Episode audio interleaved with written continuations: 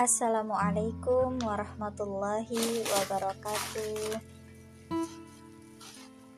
Alhamdulillahirabbil alamin. Assalatu wassalamu ala asrofil anbiya wal mursalin wa ala alihi wa sahbihi ajmain amma ba'du. Uh, sebelumnya mau sapa-sapa dulu nih teman-teman yang uh, tentunya saya rasa jam-jam segini tuh lagi pada istirahat gitu ya. Gimana nih kabarnya sahabat setia pendengar podcast Suara Bawa Perubahan? Seperti biasa, aku sih berharap teman-teman selalu dalam keadaan sehat, diberkahi oleh Allah Subhanahu wa taala umurnya dan menjalani hari-hari penuh dengan hal-hal positif dan bermanfaat. Amin amin ya robbal alamin ya jadi teman-teman uh, tadi sempat ngeliat video-video story WA dari teman-teman yang lain. Dan di situ ada beberapa ya yang kemudian memposting sesuatu hal yang kadang bisa dikatakan tidak ada apa-apa gitu ya kayak anfaedah gitu. Cuman ada juga yang memposting video tentang uh, salah seorang ustadz yang sedang ceramah kemudian tiba-tiba uh, sakaratul maut gitu. Pada saat beliau sedang ceramah masya Allah di situ benar-benar terhentak. Bahwasanya memang kematian itu tidak memandang tempat tidak memandang waktu tidak memandang umur ya.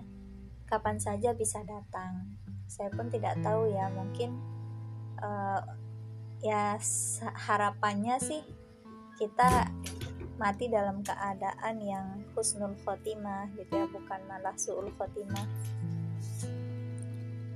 Nah jadi video itu benar-benar membuat saya pribadi tersadar gitu ya bahwasanya memang kita harus mempersiapkan diri ya sebelum kemudian ajal itu menjemput kita. Nah tentunya uh, seperti yang biasa saya dengar orang-orang itu dimatikan sesuai dengan kebiasaannya. Jadi, coba deh dicek kebiasaan teman-teman. Mungkin ada yang setiap harinya full ya. Mungkin jeda sholat aja uh, suka main games mungkin atau ada juga orang yang setiap harinya itu melakukan aktivitas-aktivitas seperti pergi mengisi forum-forum kajian dan juga uh, silah uhuah dengan teman-teman. Bahkan mungkin ada yang setiap harinya itu kerjaannya jedanya hanya sholat, nonton drakor. Atau ada juga orang yang uh, hari-harinya itu dipenuhi dengan tilawah ya membaca Al-Quran nah itu kan sebenarnya pilihan-pilihan kita pribadi.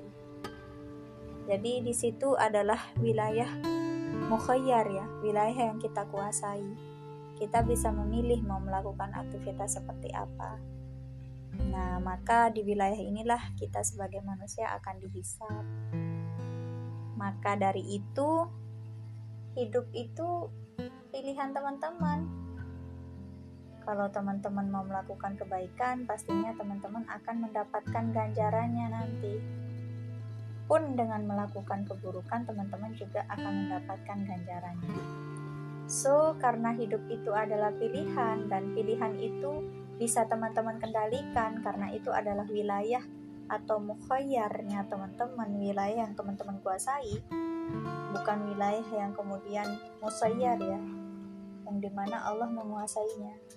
Jadi kalau kita belajar Islam itu juga pilihan ya. Kita mau belajar Islam atau tidak. So uh, karena teman-teman sudah tahu itu semua akan dihisap, maka tetap persiapkan diri untuk melakukan hal-hal yang baik dalam menjalani hidup ini. Nah, itu mungkin ya pesan singkat dari saya malam hari ini. Semoga teman-teman bisa tercerahkan dan tentunya bisa membuat kita menjadi pribadi yang lebih baik lagi. Amin amin ya robbal alamin. Oke, okay, see you. Assalamualaikum warahmatullahi wabarakatuh. Masih mati ya notifikasi. Ah, tetap dia pun.